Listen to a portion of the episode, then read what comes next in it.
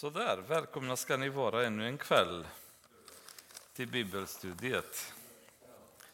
Kul att ni har tagit er hit. Och eh, vi ska försöka att dyka ganska så omgående in i Jeremia, för ikväll tänkte jag att vi skulle ge oss på två kapitel här. Eh, både kapitel 14 och kapitel 15, de två kapitlarna de hänger ihop. Så jag tänkte vi, eh, det är lika bra att vi kör igenom båda två på en gång. Fader, vi ber om din välsignelse över kvällen. Jag ber om din heliga Andens kraft för mig och alla som sitter här ikväll. Jag ber att du ska välsigna oss, Herre, med en lugn och en frid i vårt hjärta. Att du ska rensa bort tankar som stör och tankar som inte behagar dig. Jag ber i Jesu namn, Herre, att du ska tala och vi ska lyssna till din röst, Herre. Må din namn bli välsignad ikväll. Låt oss få lära oss saker ur ditt ord som ska stärka oss i vårt vardagliga liv, Herre. I Jesu namn. Amen. Då börjar vi läsa direkt från eh, Jeremia kapitel 14. Detta är Herrens ord till Jeremia angående torkan. Judas sörjer, dess portar tynar bort, de lutar sig sörjande mot jorden och ett klagorop stiger upp från Jerusalem. De mäktiga sänder sina tjänare efter vatten, men när de kommer till dammarna finner de inget vatten utan måste vända tillbaka med tomma kärl. De är skamsna och förtvivlade och täcker huvudet. Eftersom marken spricker upp då det inte regnar i landet står jordbrukarna med skam och täcker sina huvuden. Också hinden på fältet överger sin nyfödda kalv därför att det inte finns något grönt. Vildåsnorna står på höjderna och flämtar efter luft som schakaler. Deras ögon är matta, ty det finns inget gräs. Det är eh, en beskrivning av en torka som Gud ehm, skickade över landet. Då. Och ehm, vi vet inte exakt vilket år, ehm, exakt sammanhanget runt omkring. Men det kommer fram senare i kapitlet att torkan eh, kom just på grund av synd och missgärningar igen bland judarna. Och det är väl så att om man tänker tillbaka i ehm, eh, femte Moseboken, om vi kan öppna dit. Ehm, återigen, jag hoppas att ni läser åtminstone femte Moseboken, om inte andra, tredje, fjärde och femte, medan det går igenom Jeremia. Därför att det blir så mycket lättare att förstå. Men i femte Moseboken kapitel 28 så ehm, är Mose i slutet av sitt liv och vi har nämnt det här tidigare och så läser han lagen och så eh, pratar han med folket och i princip talar om för folket vad som förväntas av dem i sin relation med Gud framöver. Där man lägger förbannelser och välsignelser. Där Gud säger om ni gör så här så kommer ni bli välsignade, men gör ni så här så kommer ni, ni bli förbannade. Och eh, kapitel 28, den här delen som vi kommer läsa, har att göra med vad som kommer hända eh, om folket inte lever enligt de bud som Gud hade gett Mose. Och vers 20 står det så här. Herren ska sända över dig förbannelse, förvirring och straff i allt vad du gör och företar dig, tills dess du förgörs och snabbt förgås för dina onda gärningars skull eftersom du har övergivit mig. Herren ska låta pesten drabba dig till dess att han har utrotat dig ur det land dit du nu kommer för att ta dig i besittning. Herren ska slå dig med tärande sjukdom, feber och hetta, med brand och svärd, med sot och rost. Detta ska förfölja dig till dess du förgås.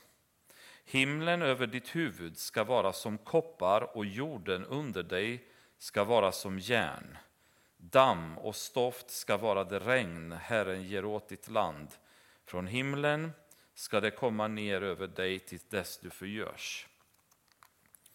Med andra ord, utöver de olika andra straffen som Gud hade sagt att de kommer att få om de misskötte sig, så var bland annat ett straff som Gud hade varnat om att de kommer få, och det var torka. Att himlen kommer bli som brons, det kommer inte regna vatten men det kommer regna damm tills att ni kommer förgöras som folk. Och i den här beskrivningen av den stora torkan så märker man att det är ju precis den situationen de befinner sig i. Det finns inget vatten i landet. Inte ens de rika, som normalt sett har alltid olika sätt att klara sig, lyckas klara sig denna gång. Deras, deras betjänter går ut för att hämta vatten, men de kommer tillbaka och är skamsna för att de har inte hittat någonting. Djuren överlämnar sina ungar, eh, vilddåserna står och flämtar som schakaler, står det. Och det är väldigt svårt att föreställa sig hur människor hanterar så svår torka. Jag vet inte om Sverige någonsin har upplevt något liknande där allting är bara sönderbränt, där det inte finns något som helst vatten i landet. Vi har så mycket sjöar, här kan man alltid gå och springa till någon sjö och hämta lite vatten åtminstone. Men i Mellanöstern, i de länderna, det finns ju inte den möjligheten i alla fall. De har oftast vad man kallar för wadis, det är som små dalgångar. Och många gånger så blir det vatten där när det regnar och sen när det inte regnar så finns det inget vatten. Så vattnet är hela tiden ett, ett ständigt problem i de områdena. Även idag kan man säga en stor Eh, stort problem, eller konflikten mellan araber och israeler, har bland annat att göra med hur man kanaliserar vatten från Galileiska sjön och hur Jordanflodens vatten används och så vidare. Eftersom eh, med dess position så sitter Israel nu kan man säga på stora delar av vattenresurserna och araberna blir inte speciellt glada att de behöver vara beroende av Israel när det gäller vattenresurser och så vidare. Det är en ständig ett ständigt problem i de områdena och i det här läget så skickar Gud en enorm torka där i princip det finns inget vatten i landet. Och det är ju en, eh, en väldigt stor och väldigt sorgsen situation. Eh, men som kommer på grund av att de återigen har levt i synd och misskött sig. Och det är ett straff som Gud har varnat dem att de kommer att få. Och eh, det är väl så att det finns um, läxor som vi behöver lära oss i livet som vi inte kommer ifrån. Eh, det finns saker som Gud att vi vill att vi lär oss. Och vi har två val, att lära oss dem på ett smidigt sätt eller lära oss dem på ett hårt sätt. Men lära dem ska vi göra. Och det är upp till oss hur vi vill lära oss detta. Vill vi ha en nära relation med Gud, där vi lever nära honom och vi får lärdom utav Gud dagligen på ett smidigt sätt, på ett kärleksfullt sätt, på ett skönt sätt i en, i en behaglig relation med honom. Eller så kan vi testa Gud och säga att vi vill vara rebelliska och upproriska och köra vårt eget race. Och Gud kommer ändå lära oss de läxorna. Det är bara att det kommer ta bra mycket längre tid av plågeri för oss på vägen till att lära oss det som Gud vill lära oss. Där vi kanske kommer behöva gå igenom sjukdom, genom sorg, genom tragedier, genom frustration, genom arbetslöshet, genom fattigdom. Massvis med olika situationer som Gud kanske behöver leda oss igenom tills vi har lärt oss läxan. Och vi har exemplet med Jona som verkligen har försökt allt han har kunnat att springa ifrån Gud. Och han trodde att det går, om du, om du är tillräckligt envis och går emot Gud så ska du kunna vinna. Och det är så dåraktigt som det kan vara. Det finns inte en chans att vi kan gå emot Gud och vinner, utan vi kommer att förlora. Eh, och läxan kommer vi lära oss. Det är bara att det kommer ta en längre tid och det kommer vara en smärtsam tid. Och det kan vara väldigt smärtsam tid för en del av oss till, tills vi lär oss den läxan. Och personligen så finns det, kan jag säga, att situationer i mitt liv där jag har sett detta ske i både mindre omfattningar och större omfattningar, där Gud har fått tvinga mig till knäna, till, öd, till att ödmjuka mig och acceptera att jag måste göra hans vilja så som han vill. Jag kan inte göra det jag själv vill, fast jag vet innerst inne att det jag vill är fel. Utan jag måste acceptera det Gud säger till mig att jag ska göra, för dit kommer jag komma i alla fall. Men jag kan komma dit smidigt och trevligt, eller så kan jag komma dit genom jättemånga svårigheter. Och bland oss och i församlingarna så finns det sådana som jag upplever att de har nästan en slags masochistiskt drag. De gillar att plåga sig själva. De gillar att ha det jobbigt. Gud säger, Jesus säger kom till mig och ge mig era bördor därför att mitt ok är lätt. Nej, nej, nej, de vill så gärna bära bördorna själva. Och under tiden så bryts deras ryggar mer och mer och de gnäller ännu mer och de skriker och de pustar och de är arga och de är frustrerade och de är bittra. Men inte skulle de släppa de här bördorna till Jesus. Nej, nej, vi ska bära dem själva. Och Jesus säger, men du kommer ändå kollapsa. När du kollapsar så kommer du ändå ropa till mig för hjälp. Då kommer jag att ta dina bördor, men på vägen dit så har du gått genom flera år av elände istället för att ge mig bördorna nu. Varför ska du bära de här bördorna hela tiden och inte ge dem till mig? Och det finns ingen riktigt vettig förklaring, annat än att många av oss är väldigt dåraktiga i det sättet vi lever vårt liv. Och judarna de var ju sådana. Läser man domarboken till exempel så är det ah, efter vartenda kapitel nästan så är det eh, igen så hade de gått tillbaka till att avguda alltså olika idoler och så vidare. Sen kommer en nydomare, de skärper sig, de eh, har hamnat i fångenskap hos någon, de kommer därifrån tacksamma till Gud, lever med honom ett tag, sen vum, direkt tillbaka och tillber gudar. Och så håller de på i flera hundra år. Som de bara in och ut som en jojo, ur synd till Gud, ur synd till Gud. Och Gud lär dem läxan. Det är bara det tar 490 år av plågeri innan de hamnar i Babylon och vaknar till verkligheten av att just det, vi har syndat. Eh, de lär sig den läxan. Man kommer inte ifrån det. Men vissa vill absolut inte lära sig läxan på ett smidigt sätt, utan de vill lära sig på ett hårt sätt. Och då kommer de lära sig det. Vers 7. Även om våra missgärningar vittnar mot oss, säger Jeremia denna gång. Grip ändå in för ditt namns skull, Herre. Ja, gång på gång har vi avfallit och syndat mot dig, du Israels hopp, dess frälsare i nödens tid. Varför är du som en främling i landet, lik en vägfarande som stannar för en natt? Varför är du som en rådlös man, lik en hjälte som inte kan hjälpa? Du finns ju mitt ibland oss, Herre, och vi är uppkallade efter ditt namn. Överge oss inte. Så Jeremia, han ser den här fruktansvärt svåra situationen och han går till Gud för att medla för folket och säger, Herre, jag förstår att du gör det här för vi har syndat. Jag förstår att du gör det på grund av våra missgärningar. Men Herre, kan inte du vara nådig och för ditt namns skull rädda oss i alla fall?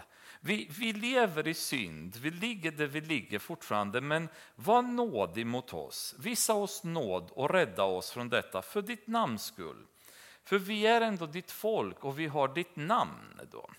Och Det är lite sån här vackert tal som jag upplever som Jeremia går med till Gud och verkligen försöker in i det sista. Herre, finns det någon möjlighet att trots att folket inte vill ha med det att göra och trots att de vill leva i det elände de lever i, Finns det någon möjlighet som du ändå kan vara nådig och vända ditt ansikte mot dem och ta bort det här eländet som vi behöver uppleva? Jätteintressant. Ehm, för det fanns en, ett behov, det fanns en vilja kan man säga att få slut på detta elände. Och det, finns, eller det fanns ett väldigt bra sätt man kunde gjort det på. Och om vi vänder till eh, andra krönikeboken, vers 7. Det är säkert en, ehm, några verser som ni känner mycket väl. Då. Men det är ju receptet för egentligen hur de kunde på ett mycket smidigt sätt ha kommit ur det här eländet. Ehm, andra krönikeboken kapitel 7, vers 13 och 14. Om jag tillsluter himlen så att regn inte faller, om jag bjuder gräshoppor att fördärva landet eller om jag sänder pest bland mitt folk. Men mitt folk som är uppkallat efter mitt namn ödmjukar sig och ber och söker mitt ansikte och omvänder sig från sina onda vägar, då vill jag höra det från himlen och förlåta deras synd och skaffa läkedom och deras land. Det går inte att säga det bättre. Om himlen tillsluter sig, om inget regn faller, om landet är invaderat av gräshoppor, men om folket ödmjukar sig och kommer till mig och ber, då ska jag ge läkedom åt deras land. Och detta gäller fortfarande även i Jeremia kapitel 14. Ett enormt elände, men om folket ödmjukar sig och kommer till mig, då ska jag ge lä läkedom. Men i vers 10 så säger Herren om detta folk, på detta sätt vill de gärna driva omkring, de håller inte sina fötter i styr. Därför har jag Herren inte behag till dem. Han minns nu deras missgärning och ska straffa dem för deras synder. Alltså även i svåraste torkan, i svåraste eländet som de befinner sig i, så säger Herren, men de vill fortfarande inte. De springer åt alla håll efter deras egen vilja, vad de gärna vill göra. De går omkring och kör sitt, sitt eget race, men de kommer inte till mig. De ödmjukar sig inte, de ber inte till mig. Och då säger Herren att jag finner inte behag i dem. Jag behöver inte bry mig längre. Därför att de har brutit det förbundet som jag haft med dem och jag har all rätt att vägra dem hjälp på grund av detta. Och dessutom så är de helt ovilliga att erkänna sina synder, att omvända sig, att ödmjuka sig. Och det är, ehm, det är en situation som jag tror väldigt många av oss ibland, om inte allt för ofta tyvärr, befinner oss i. Eh, både som individer men också som församlingar där ibland så så börjar församlingar gå åt ett visst håll. Och Gud börjar varna oss genom olika, eh, på olika sätt att vi är på fel väg. Vi måste omvända oss. Men då är det ju stridigheter mellan olika grupperingar. Vem är det som ska ge med sig? Jag är lite för stolt att erkänna att jag har fel och förresten så gillar inte jag den där gruppen som håller på med det och det. Jag vill inte ha med dem att göra och de vill inte ha med mig att göra. Och maktkamp och intressekonflikter i församlingen. Ibland synd som kommer in Vissa som lever i synd, synden är inte adresserad i församlingen, det, det tas inte tag i synden som börjar utveckla sig. Och så småningom så börjar den här förruttnelseprocessen och församlingarna börjar glida ifrån Gud. Då. Och så börjar saker och ting hända och så blir det jobbigt och så blir det eländigt och så blir det tufft. Men ingen egentligen är villig att säga Ungefär som påvarna gör när de ska välja en ny påve, eller eh, kardinalerna. Stäng dörrarna och vi går inte härifrån tills vi har löst problemet. Eh, vi måste lösa det här, vi måste ta itu med synden, vi måste komma inför Gud. För vi måste ödmjuka oss, annars får vi inte Guds välsignelse över oss. Han har inget ansvar att hjälpa oss om vi vägrar följa honom, om vi lever i synd. Och Det är ju viktigt att man tänker på det i vårt eget liv, att vi inte låter det gå. Att man kan råka falla i en synd, men snabbt till Gud. Eh, vi måste erkänna våra synder, vi måste bekänna dem och Gud hjälper oss. Och han är trofast att förlåta oss när vi bekänner våra synder. Det har han sagt. Det som jag också skulle vilja säga här, och jag har sagt det förut, det är att hela den här kapitel 14 är ett klassiskt exempel på att Gud väldigt ofta använder naturkatastrofer för att straffa nationer. Och det tror jag att han är samme Gud igår, idag och imorgon. Och jag tror att har han gjort det förr så gör han det nu och så kommer han att göra det framöver. Och jag tror att vi bör vara väldigt noggranna med detta och tänka på att Gud även idag genom naturkatastrofer, genom olika andra typer av katastrofer kan skicka meddelanden till oss. Han vill tala om för oss att vi är på fel, fel kurs, att vi kanske som land, eh, som kristendom i det landet, vi är på fel kurs. Och jag tror att det är väldigt viktigt att kristna är vakna på detta och verkligen ta upp den här diskussionen även gentemot vår regering, vårt land och så vidare. Att om vi inte följer Gud som land, då kommer Gud straffa vårt land. Och Det kan vara genom torka, det kan vara genom översvämningar, det kan vara genom jordbävningar, det kan vara genom bränder, det kan vara genom jättemycket som han finner lämpligt. Då. Men uppenbarligen så använder Gud naturkatastrofer för att straffa eh, nationer på grund av deras synd. Ehm, I vers 8 så säger Jeremia varför är du som en främling i landet? Varför bryr du dig inte? frågar han Gud. Och, och, Den frågan skulle jag vilja stanna lite vid. Varför? När, när folk i Bibeln ifrågasätter Gud så sa vi förut många gånger att de får nästan aldrig ett svar.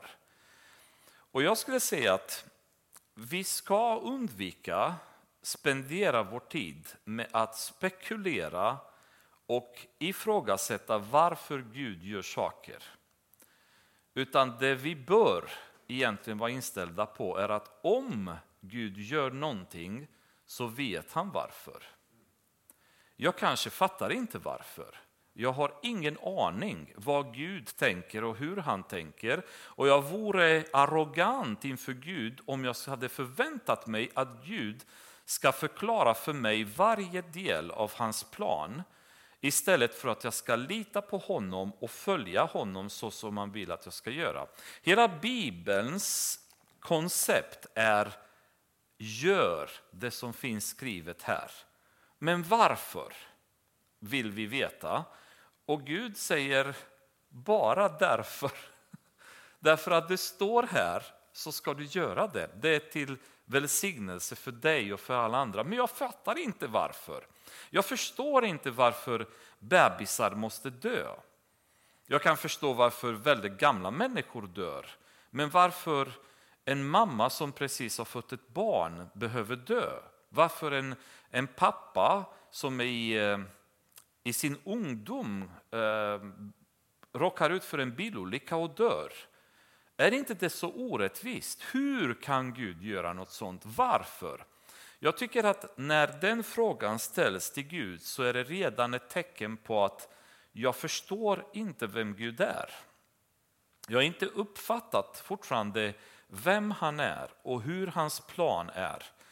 Ehm, och jag, jag har en ganska så tydlig regel kan man säga i mitt liv på det sättet att inte ifrågasätta Gud. Jag vågar i princip inte gå till Gud och säga Gud varför. Däremot så kan jag säga Gud jag förstår inte varför.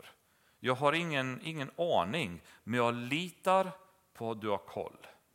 Det är min inställning i min relation med Gud. Jag har ingen aning varför det händer det som händer.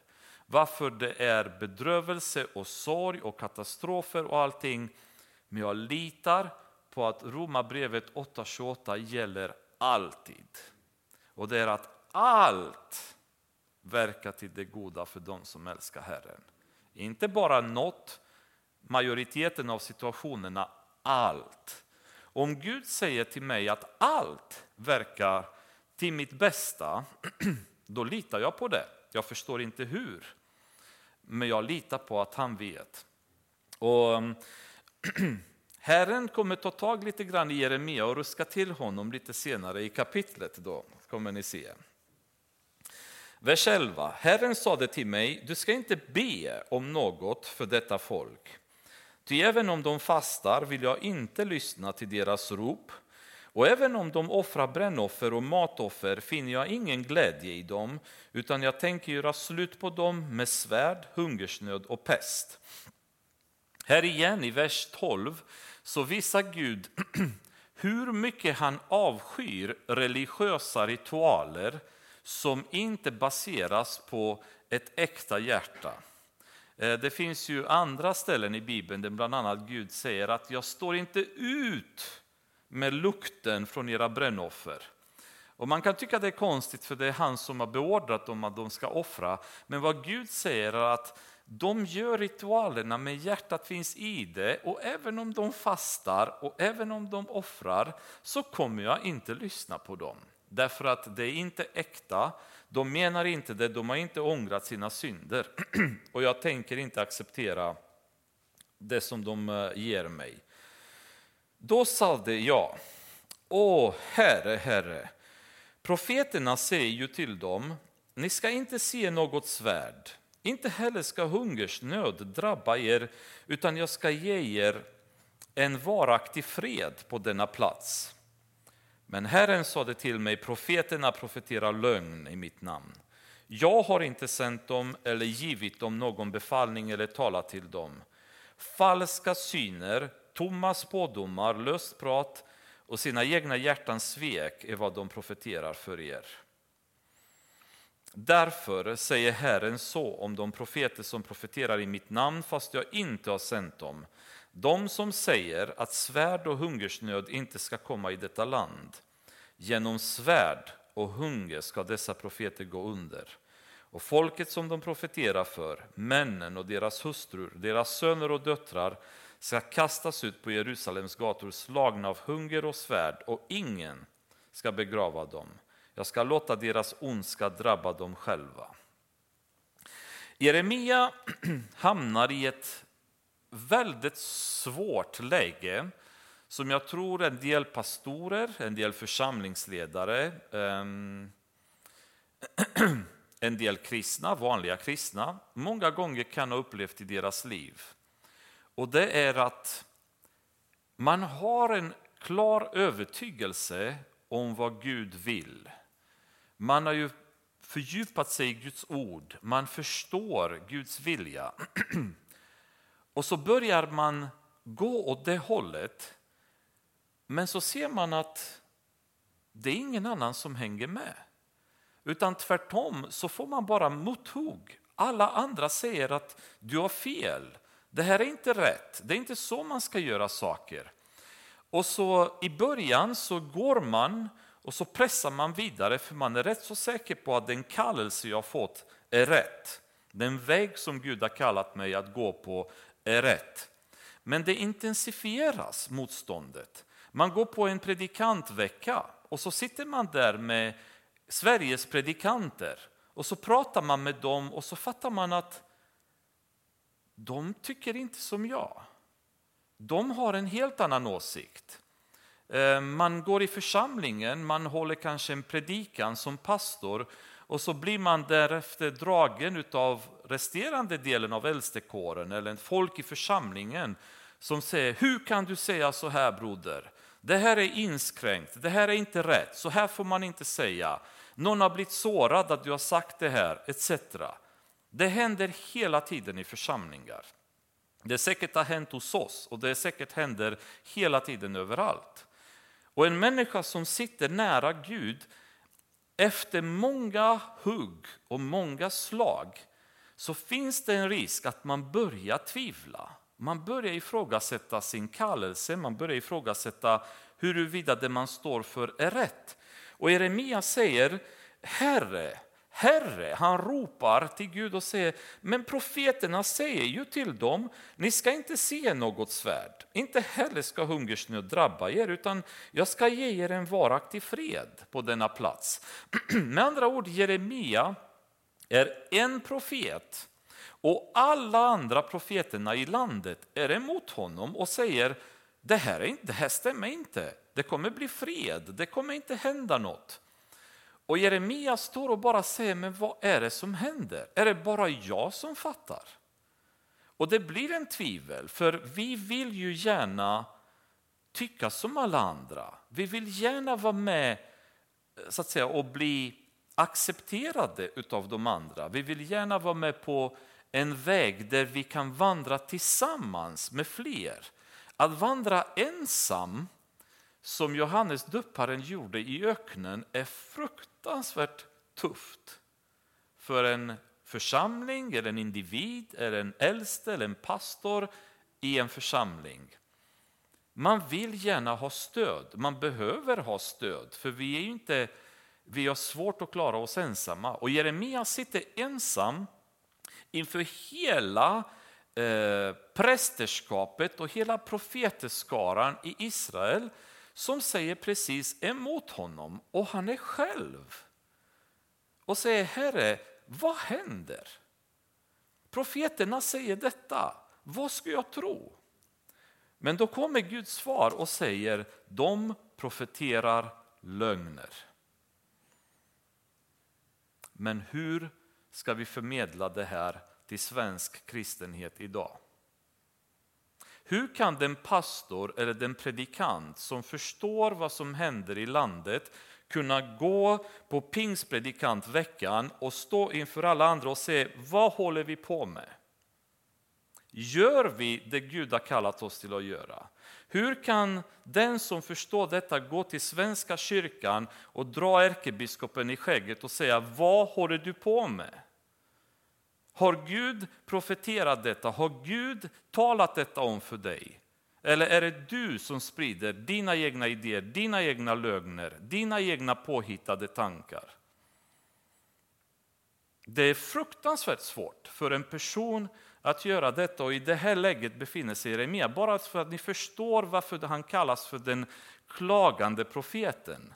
Mannen är bruten och gråter och är ensam och känner sig övergiven och känner sig mobbad och känner sig förföljd och jagad utav hela landet. Från kungen neråt. Alla är ute efter hans huvud. Och han försöker att stå fast och predika det Gud har kallat honom att predika. Och hur lätt är det? Hur lätt blir det att göra det? Det är fruktansvärt svårt och man kan bara känna sorg och eh, samtidigt glädje och stöd för den människa eller de människor som vågar resa sig och ropa Guds namn i öknen. Där kyrkorna är döda, de är materialistiska, de är underhållningsfixerade, de är världsorienterade och en man kan stå fram och ropa och säga att det här är fel. Ni profeterar era egna tankar, era lögner som ni hittar på själva och Gud är inte med i detta. Han är inte med i detta. Och den situationen är väldigt, väldigt svår för Jeremia. Natt och dag strömmar tårar från mina ögon. Och må de inte upphöra, till jungfrun, dottern, mitt folk, har drabbats av ett förkrossande slag av ett svårt och oläckligt sår. Går jag ut på fälten ligger, eh, ligger där män genomborrade av svärd. Och kommer jag in i staden möts jag av hungerns plågor. Både profet och präst drar vidare mot ett land de inte känner. Så nu är det Gud som säger till Jeremia, vers 17, tala till dem detta ord. Så nu, vi, nu kommer Jeremias replik till att allting kommer att vara frid och fröjd. Så säger Gud, nej, nej, det är det här du ska tala om för dem. Det kommer bli svärd, det kommer bli elände, det kommer bli död, det kommer bli förödelse. Och det är ju vad Gud säger till honom att ditt budskap måste gå fram. Även om de inte förstår det eller om de vägrar förstå det så måste budskapet gå fram till dem. Har du då alldeles förkastat Juda, vers 19? Känner du avsky för Sion, eller varför har du slagit oss så att ingen kan bota oss? Vi väntar på välgång, men inget gott kommer på en tid med läkedom, men se förskräckelsen råder. Herre, vi erkänner vår ogudaktighet och våra fäders missgärning, till vi har syndat mot dig. För ditt namns skull, förkasta oss inte. Låt inte din härlighetstron bli föraktad. Kom ihåg ditt förbund med oss och bryt det inte. Kan någon av hedna folkens förgängliga avgudar ge regn? Kan himlen av sig själv låta skurar falla? Nej, endast du, Herre, vår Gud, vi hoppas på dig, ty du har gjort allt detta. Det blir en explosion av erkännande, kan man säga, eh, inför Gud och, och, bara säga till honom igen, Gud, för ditt namns skull, för din trons skull, hjälp oss. För de här andra gudarna som Israel har tillbett, de kan inte ge regn, de kan inte göra någonting. Och det är ju en, eh, återigen ett medlande, så Jeremia försöker nu återigen att medla för folket. Men Guds svar kommer väldigt, väldigt drastiskt i 15 kapitel, vers 1. Men Herren sade till mig, även om Mose och Samuel trädde fram inför mig skulle jag ändå inte vara vänligt sinnad mot detta folk. Driv bort dem från mitt ansikte och låt dem gå. Om ni kommer ihåg så vid flera tillfällen så har israeliterna i öknen ballat ur, och hamnat ordentligt djupt in i synd. En av de största, det har varit multipla tillfällen, men en av de största var när de byggde guldkalven och då var Gud så vred så han var på väg nästan att tillintetgöra hela nationen. Men Mose går och medlar med Gud och säger Herre, ta, ta bort mitt namn från din bok istället, men bevara det folket. Och eh, Guds straff kommer över nationen. Jag tror om jag minns det 3000 fick dö, men folket räddades tack vare att Mose hade så högt anseende inför Gud. Gud sa om Mose, med alla andra talar jag genom profeter, genom drömmar, visioner, men med Mose pratar jag ansikte mot ansikte. Det förtroendet som fanns mellan Gud och Mose var helt unikt. Och därför när Mose kom inför Gud och medlade, när de var i öknen och knorrade på väg mot, eh, mot Jordanfloden, eh, som vanligt kan man väl säga, så smittade Gud dem med ormar, giftiga ormar. Då gick Mose återigen till Gud och bad för folket. Och Gud sa, res en bronsorm, de som kommer titta på honom, på den, som, de kommer bli räddade. Återigen, det dog ett antal, det blev ett elände, men folket blev räddad tack vare att Mose gick i bräschen och han medlade. När Samuel var liten så ropade Gud för honom och han trodde att det var prästen Eli som ropade på honom. Så till slut så svarar han till Gud och då säger Gud till honom, du ska gå och tala om för Eli att hans hus lever i synd. Sen barns ben så såg Gud Samuel som en person genom vilken han kunde tala till folket och i vilken han hade fullt förtroende. Och Samuel i många, många år var det som ledde Israel från seger till seger och han bar folket inför Gud hela tiden, löste allvarliga problem eh, inför Gud på grund av att folket hade fallit och så vidare. och Gud säger, även om de här två skulle komma till mig och medla för folket denna gång så skulle jag inte lyssna. Utan jag vill bara få bort dem från mitt ansikte. Så djupet av synd och smuts och elände som de hade sjunkit eh, så att säga, till var så enormt mycket djupare än till och med guldkalvsperioden. Så Gud sa, jag är färdig med dem. Jag tänker inte, inte förlåta dem något mer. Om de frågar dig, var ska vi gå? Så ska du svara dem, så säger Herren, i dödens våld, den som hör döden till. I svärdets våld, den som hör svärdet till. I hungers våld, den som hör hungern till.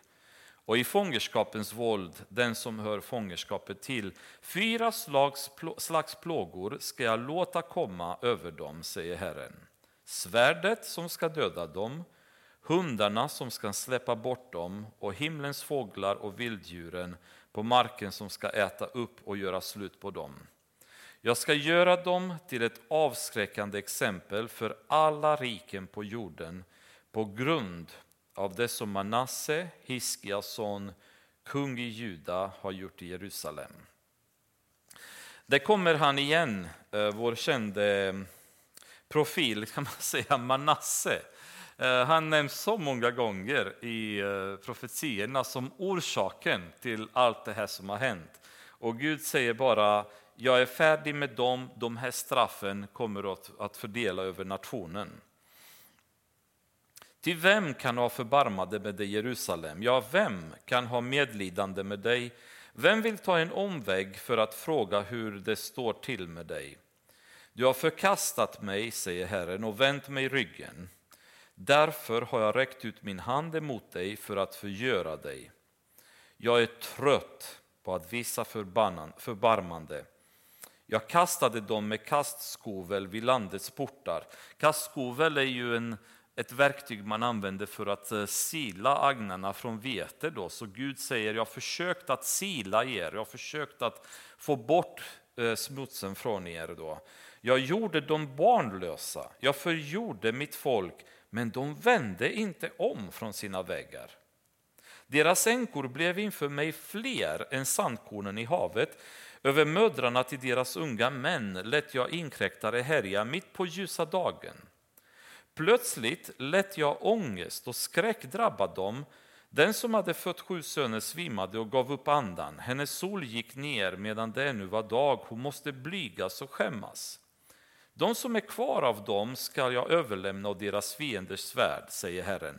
Med andra ord har Gud, förklarar Gud för Jeremia, jag har gjort allt som jag har kunnat för att visa dem att jag är, jag är missnöjd med dem. Jag har straffat dem på olika sätt eh, vid olika tillfällen, men det hjälper ändå inte.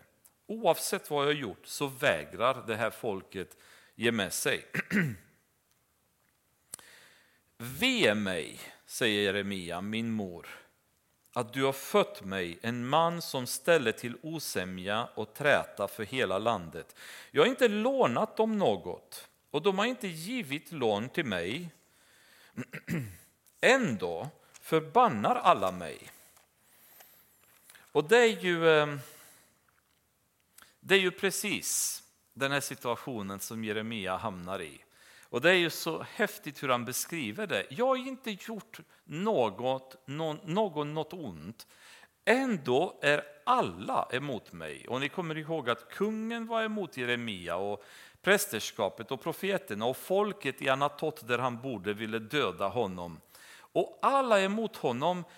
Varför? För en enda orsak. Därför att han predikar Guds ord okompromissat. Finns ingen annan anledning än att han står fast och predikar Guds ord. Om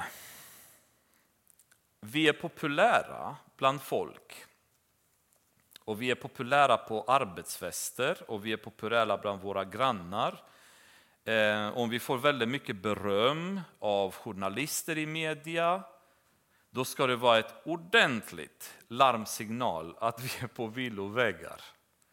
För det ögonblicket då vi börjar predika Guds ord utan kompromiss, det är precis den här situationen som vi kommer hamna i.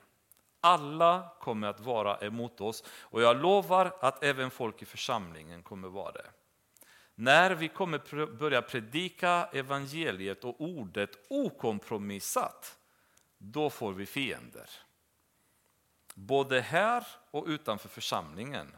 Både bland vänner, släktingar, eh, myndigheter, journalister. Vi kommer bli hatade den dagen då vi reser oss och predikar ett ord som är utan kompromiss.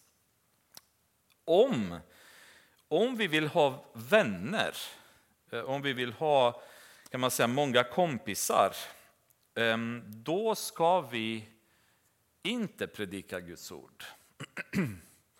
Om vi predikar framgång, om vi predikar hälsa, om vi predikar välsignelser bara, om vi predikar ehm, ja, ehm, framtidsperspektiv som ska behaga alla, alla vägar går till Gud ungefär.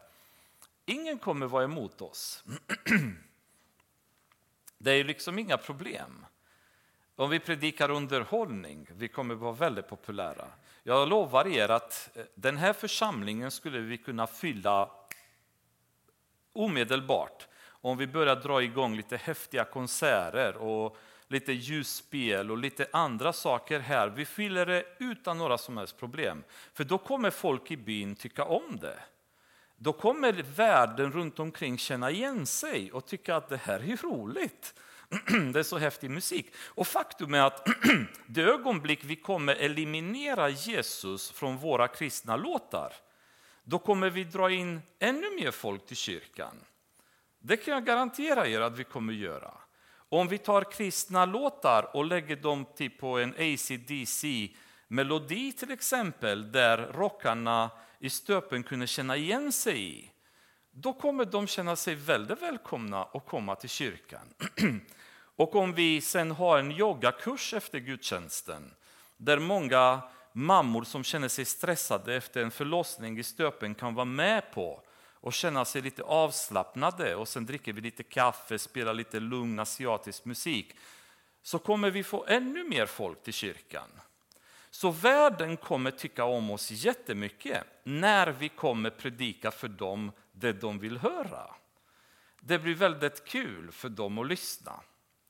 Men bevara er den dagen då i pingstförsamlingens stöpen Guds ord är predikat utan kompromiss. När pingstvännerna från kyrkan dessutom kommer utanför kyrkan, in i samhället, in i staden Skövde och börjar predika Guds ord utan kompromiss, då ska ni få se på tidningsrubriker, då ska ni få se på uppror, då ska ni få se vad mycket argt folk det kommer bli. Vad mycket attacker på Facebook, på Instagram, på sociala medier över hela Sverige det kommer bli emot oss. Den dagen vi kommer bestämma oss att vi kommer predika Guds ord till folket så kommer vi inte undan detta.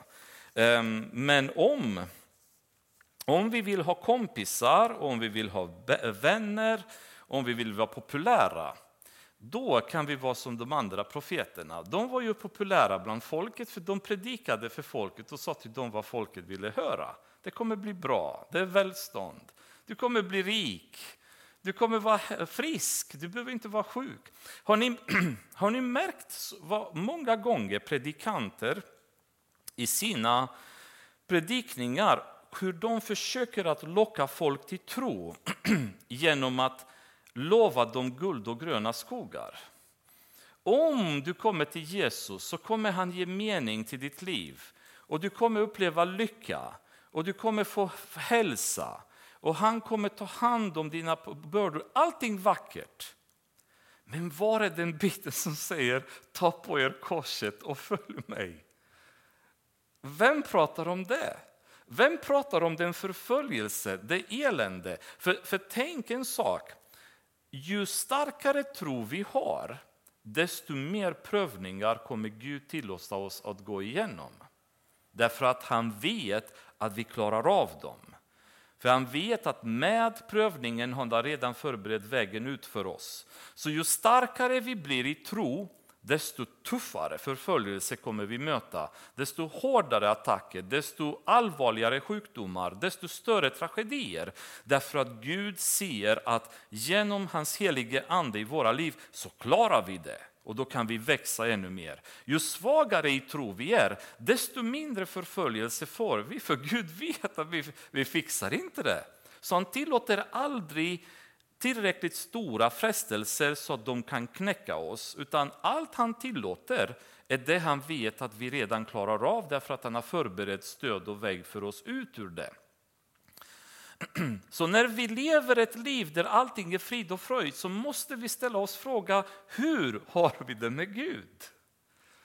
När vi aldrig upplever förföljelse, när ingen på vårt jobb tittar snett på oss, när våra grannar tycker vi är de roligaste som finns att umgås med, är riktigt vårt liv med Gud ordentligt? För jag får inte ihop det när jag kollar i Guds ord. För de som levde så i Bibeln, de åkte på stryk, de blev dödade, de blev förföljda, de blev plågade. I kristna historien, hela martyrhistorien, det är människor som har stått fast vid Gud och aldrig kompromissat. Ja, men de har de bränts. De har hamnat i fängelset. De har blivit, deras huvudet har blivit avhuggna. De har blivit kokande i, i olja och allt möjligt sånt. Därför att de gav sig aldrig. De gick och bara sa Guds ord. Tittar man på Paulus, vad mycket stryk han fick för att han gav aldrig upp. Han ville alltid alltså propagera Guds ord var han än kom, oavsett vad som hände. De slängde ut honom från murar, de stenade honom, de slog honom, allt mellan himmel och Han gav aldrig upp. Det är det han fick för att han stod fast och predikade Guds ord. Så att vi eh, vi kommer inte få kompisar kan man säga om vi är verkligen noga med att stå fast vid Guds ord. Och Jeremia han upplever sin, sin tid av förtvivlan när han är själv. Även när han jämför sig med de andra andliga människor i Sverige, eller förlåt, i Israel. Um, men, men jag kommer till Sverige, för att det är det också jag känner att det är så viktigt när, när man är bland pastorer, församlingsledare. Hur mycket av umgänget sker kring Gud och hans ord?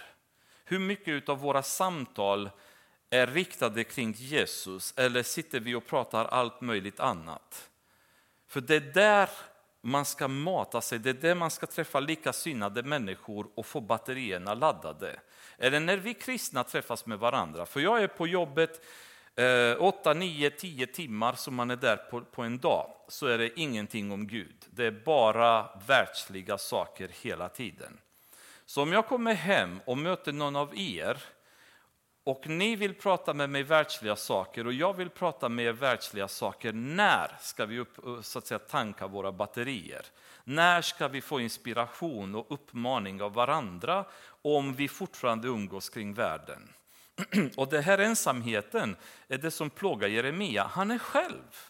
Han har ingen han kan gå till och prata och liksom få stöd för det han står för.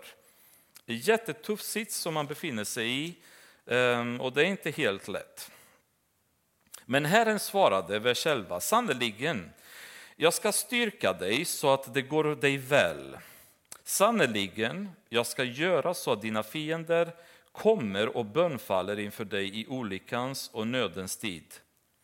Kan man bryta sönder järn, järn från Norden eller koppar? Undrar om man pratar om Sverige här, järn från Norden. Det kanske, kanske enda stället där Sverige kommer med i Bibeln då. Eh, norrifrån fick de i alla fall lite järn, så frågan är varifrån. Dina ägodelar och dina skatter ska jag lämna till plundring, men inte för betalning, utan för alla dina synders skull i hela ditt land. Jag ska föra bort dig tillsammans med dina fiender till ett land du inte känner, till min vredes eld är upptänd och den ska brinna mot er. Herre, du vet det. Tänk på mig och ta hand om mig och ge mig hämnd på mina förföljare Ta inte bort mig, du som är långmodig. Tänk på hur jag blir hånad för din skull. Så här är återigen Jeremia som bara ber Gud om, Herre kolla på hur jag har det. Hjälp mig mot de här förföljarna. Och han är ju kanske lite mer eh, okristet i sättet än vi är. Han säger, ge mig hämnd liksom, på de här. Eh, låt inte dem hålla så som de gör. Och, um, um, han, han liksom ber helt enkelt Gud om hjälp. Men sen vers 16 är det som eh, jag tycker är bara magiskt. Mitt i allt detta, mitt i det här eländet, så plötsligt kommer vers 16. Dina ord kom och jag åt dem. Vers, eh, ordet på hebreiska är jag slukade dem. Jag liksom hungrigt åt upp ditt ord. Ja, ditt ord blev mitt hjärtas fröjd och glädje, ty jag är uppkallad efter ditt namn. Så mitt i det här eländet så plötsligt så hittar Jeremia tillbaka till ordet. Och när han börjar dyka, upp, eh, dyka in i Guds ord, då börjar han känna att oh, nu får jag igen det jag behövde. För Guds ord har den, den enorma effekten. Alltså när man går från det jordiska till att ta tid till att gå tillbaka till Guds ord så får man omedelbart evighetsperspektivet i sig. Från att titta på att någon är otrevlig, någon är elak, någon förföljer mig eller jag har ont, det är jobbigt, jag är sjuk. Och så plötsligt går man in i Guds ord och så börjar man få himlens perspektiv i livet igen. Då kommer glädjen tillbaka. Då börjar man känna styrkan byggas upp.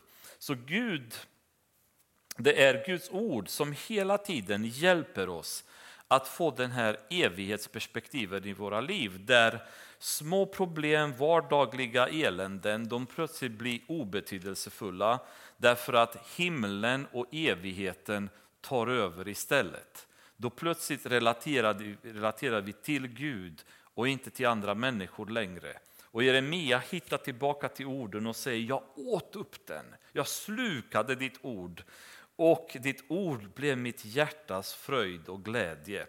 Salmisten sa att ditt ord är min fötters lykta och ett ljus på min stig. Det är den som guidar mig i livet. Det är Guds ord som hjälper oss. Men det är därför Guds ord är den som negligeras så mycket av kristna. Därför att när, när man kommer in i Guds ord, när man kommer till Gud i bön och i heliga andens ledning, då vet djävulen att han kan inte krossa oss längre. Han kan inte skrämma oss längre. Utan då försöker han att hålla oss ifrån det så mycket som det bara går, därför att det är där vi får kraften ifrån, ingen annanstans. Vi kan inte få tillräckligt med kraft genom att prata med varandra, genom att läsa filosofiböcker eller pepparkonferenser som vi går på där en hurtig eh, hälsocoach talar om för oss hur vi ska vara glada. Utan glädjen kommer vi få i Guds ord och i bön. Och det är därför vi behöver kolla dit eh, när, när det går tufft, när vi går igenom de här förtvivlande ögonblicken. Då. när vi fastnar i det jordiska och det materiella, det vi får det är ju depression, det är nedstämdhet, det är sorg. När vi kommer till Guds ord så får vi glädjen tillbaka. då. Jag är uppkallad efter ditt namn, Herre härskarornas Gud. Jag har inte suttit tillsammans med gycklare för att roa mig. Därför att din hand var över mig har jag suttit ensam, ty du har uppfyllt mig med harm. Det här känner ni igen er själva som har varit på någon personalfest någon gång. Och så sitter man där och man bara känner sig så ensam. När man inte vill dricka som de andra, när man inte vill dansa som de andra, när man inte vill härja som de andra. Och så drar man sig undan och så känner man bara sorg och man känner börda över en explosion av synd och man vill inte vara med. Och Jeremia säger, jag har inte, jag har inte hängt med gycklarna, jag har inte sökt underhållning på något sätt därför att du har fyllt mitt hjärta med harm. Jag ser vad som händer runt omkring mig. Jag ser synden. Jag ser eländet och jag kan inte gå och glädja mig på de här ställena. Men det är också väldigt tragiskt när kristna deltar i sådana evenemang och upplever att det är helt fantastiskt att vara med. För mig är det helt obegripligt hur man kan sitta på fester där det dricks, det härjas, det dansas, det pratas vulgariteter och man tycker att det är okej okay och det är roligt att vara där och söker sig tillbaka dessutom. Att man inte känner den här harmen, bördan över att vad håller de här människorna på med? Här sitter jag bland dem. Och Jeremia återigen, han är ensam och han säger Herre, jag har inte sökt mig till sånt. Jag vill inte gå till gycklare där folk håller på och underhåller sig själva för jag, jag är helt bruten i mitt hjärta. Jag ser det som världen inte ser och det är, det, är, det är omöjligt för mig att hänga på de här ställena. Varför ska jag ständigt plågas? Och varför är mitt sår oläkbart? Det vill ju inte läkas, du har blivit för mig som en sinande bäck, likt ett vatten som ingen kan lita på. Och här blir Jeremia ganska nästan förtvivlad på Gud och säger att varför? Varför är det så, så att mina sår inte kan läka? Och det känns som att du är som ett vatten som jag aldrig får. Och det är en ganska så annorlunda upplevelse om man säger så, jämfört med vad han, eh, han upplevde i eh, kapitel 2, vers 13, där Gud beskrivs där som källan till levande vatten. Men nu sitter Jeremia och säger att du är som en sinnande bäck. Så sen kapitel 2 tills nu har Jeremia gått igenom så fruktansvärt många tuffa tider så han börjar få det jobbigt. Och han nu börjar tvivla och ifrågasätta Gud. Varför läker inte mina sår? Var är den här källan till levande vatten? För jag känner det inte längre. Det är torrt. Du är som en sinnande källa där jag inte får någonting ifrån.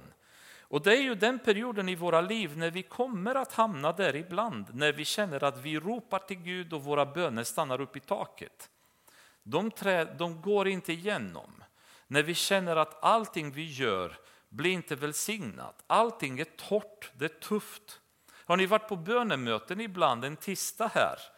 Jag har varit med ett antal gånger när man har suttit här och bara känt hur det vilade en ande av jobbigt. Det var jobbigt liksom för många som var här. Den, den stunden, de stunderna kommer i våra liv när det är bara jobbigt. När världen börjar komma ikapp oss och trycka ner oss och vi har svårt att ta oss därifrån. Och då, i sådana tillfällen, så är det en del som börjar ifrågasätta Gud. Hans existens, huruvida han älskar oss eller inte, huruvida han bryr sig eller inte. Och Jeremia hamnar faktiskt i den sitsen nu och säger Gud, vad händer? Varför läker inte mina sår? Var är du som är källan till levande vatten? Du har blivit en sinnande bäck. Och då tror vi att Gud kommer ge honom ett svar. Men som vanligt så gör han inte det. Utan det kommer vers 19. Därför säger Herren så. Om du vänder om ska jag låta dig komma tillbaka och du ska få tjäna mig. Om du skiljer det äkta från det oäkta ska du vara som min mun. Så Gud säger till Jeremia, Jeremia, du måste vända om. Ditt fokus har blivit människorna. Du tittar på människorna och har fått människorädslan. Du är inte samma Jeremia som en gång i tiden litade på mig.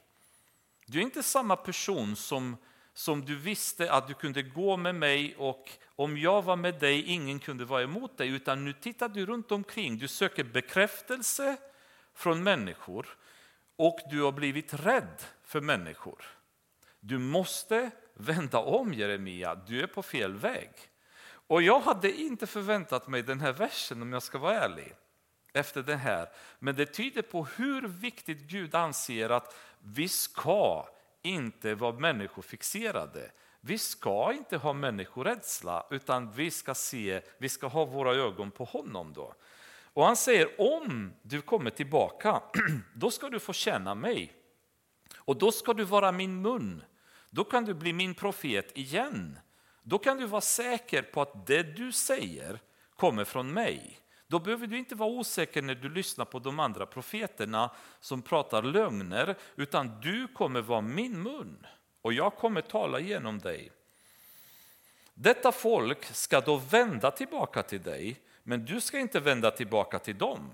Du ska inte leva i deras synd, men de ska höra vad du har att säga och vända sig till dig. Jag ska göra dig till en fast kopparmur mot detta folk, så att de inte kan besegra dig om de vill strida mot dig, ty jag är med dig för att hjälpa dig och för att rädda dig, säger Herren.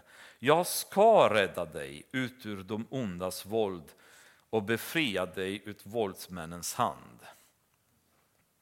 Gud överger oss aldrig. Det är bara att vi stundtals överger honom eller inte ser honom agera. Han han agerar inte när vi hoppas att han ska agera. Han agerar inte på det sättet som vi vill att han ska agera och då tappar vi tron. Men Gud säger, ni kommer ihåg när Josua stod innan de skulle invadera Jeriko och Guds ängel kommer så är Josuas fråga, vem är du med? Och ängeln han svarar på ett sånt smart sätt där han nästan liksom frågar inte vem han är med, utan vem är du med? Vem ska du känna, Josua? Vem ska du följa? Och Gud säger här, jag ska rädda dig. Det är bara för ett ögonblick. När du har gått på vatten, Jeremia, har det gått väldigt bra tills du började titta neråt istället för uppåt. Du har tittat på människor, du har blivit rädd, du har blivit eh, intresserad av vad de tycker. Du vill ha deras uppskattning, du vill ha deras beröm. Du är less på att vara ensam, du är less på att vara själv i det hela. Men Jeremia, fäst din blick på mig, vänd om så ska du återigen bli min mun. Och jag kan säga också, det är min önskan för oss som församling då, att vi kommer dit, att vi kommer till den punkt när vi återigen vänder om så att vi kan vara Guds mun. För vi, vi vill vara det, vi vill att Gud ska använda oss. Vi vill se väckelse i stöpen, vi vill se människor komma till tro. Gud vill använda oss, låt oss få bara vända tillbaka till honom från de världsliga sakerna vi håller på med och så åter vi blir hans mun och vi har hans makt, hans beskydd. Och han säger, jag ska göra dig till en kopparmur. Alltså de kommer springa mot dig med andra ord. Men pang, de bara bangar huvudet mot dig. Det finns ingenting de kan göra. Om jag är med dig, ingen kan vara emot dig. Och vi har glömt allt detta många gånger. När vi sitter hemma ynkliga och sorgsna bara för att vi har lite ont i knät. Och vi är jättebesvikna att vi måste genomgå sådana otroliga påfrestningar i våra liv. Och undrar vad händer liksom? Varför mig? Varför igen? Varför? Vi måste sluta fråga Gud varför och bara säga Gud, vad vill du med mig? Hur kan jag använda detta för dig? Hur kan jag leva mitt liv så att med ont i knät, med paralyserade ben, med ett öra eller utan ett öra, med fina tänder eller utan tänder, så ska jag känna dig Herre. Jag kanske är fet, jag kanske inte ser så bra ut, jag kanske har tappat håret, jag kanske inte är den som jag en gång har varit. Jag känner inte att jag har intelligens, jag känner inte att, att kraften hänger med fortfarande. Men Herre, vad kan jag göra ändå? Hur kan du använda mig? För det finns så mycket mer att göra. Det finns så många människor som fortfarande inte har hört om Gud. Och det är ju ehm, en väldigt skön avslutning tycker jag på de här förtvivlande två kapitel där Jeremia går upp och ner i humör och visar sin mänsklighet egentligen för oss. Han var ingen övermänniska på något sätt. Han har haft sina perioder av tvivel, av sorg, av elände. Men det, i slutet så säger Gud Jeremia, du behöver bara fokusera om. Låt bli människorna, ägna tiden åt mig så ska du få se hur du blir min mun och du kommer bli som en mur där ingen kan gå igenom, ingen kan göra något mot dem. Och med detta så tycker jag att vi stannar här. Eh, skönt att ni orkade med två kapitel. Så ehm, vill jag bara be Gud om välsignelse och hoppas att eh, orden stannar kvar och gör verkan. Fader, jag tackar dig för den tröst, den säkerhet och trygghet vi har i dig, att du är vår allt. Utan dig kan vi inte göra någonting Jesus, men med dig kan vi göra allt som du vill att vi ska göra. Jag ber Herre för mig och för alla andra att du ska ge oss mod och inte människorädsla. Att du ska hjälpa oss att kunna se bortom det som är synligt i den fysiska världen då. Eh, och kunna bara förstå de krafter som vi har bakom oss. Och varför det är så viktigt att vi följer det du gör, Herre Jesus, det du säger till oss. Låt oss aldrig ifrågasätta dig, Herre. Låt oss aldrig tvivla på dig, utan vara alltid sanna och ärliga, att vi litar på dig, vi tror på dig, Herre, så får du göra med oss vad du vill. Och om det går tufft ibland, låt oss få bara ha samma inställning som Jobb har haft, Herre. Du har gett, du har tagit, må din namn bli välsignat. Du vet varför, Herre. Om vi upplever svårigheter, det finns en mening. Låt oss få lära oss vad du vill lära oss genom de stunderna, Herre. Om det är sjukdom, låt oss få lära oss vad du vill att vi lär oss genom den sjukdomstiden. Om det är arbetslöshet eller pengabrist, låt oss få lära oss vad det är du vill tala om för oss genom de stunderna, Herre. Och låt oss se allt, ödmjuka oss, respektera dig som vår Herre och Gud och aldrig någonsin ifrågasätta dig. I Jesu namn. Amen.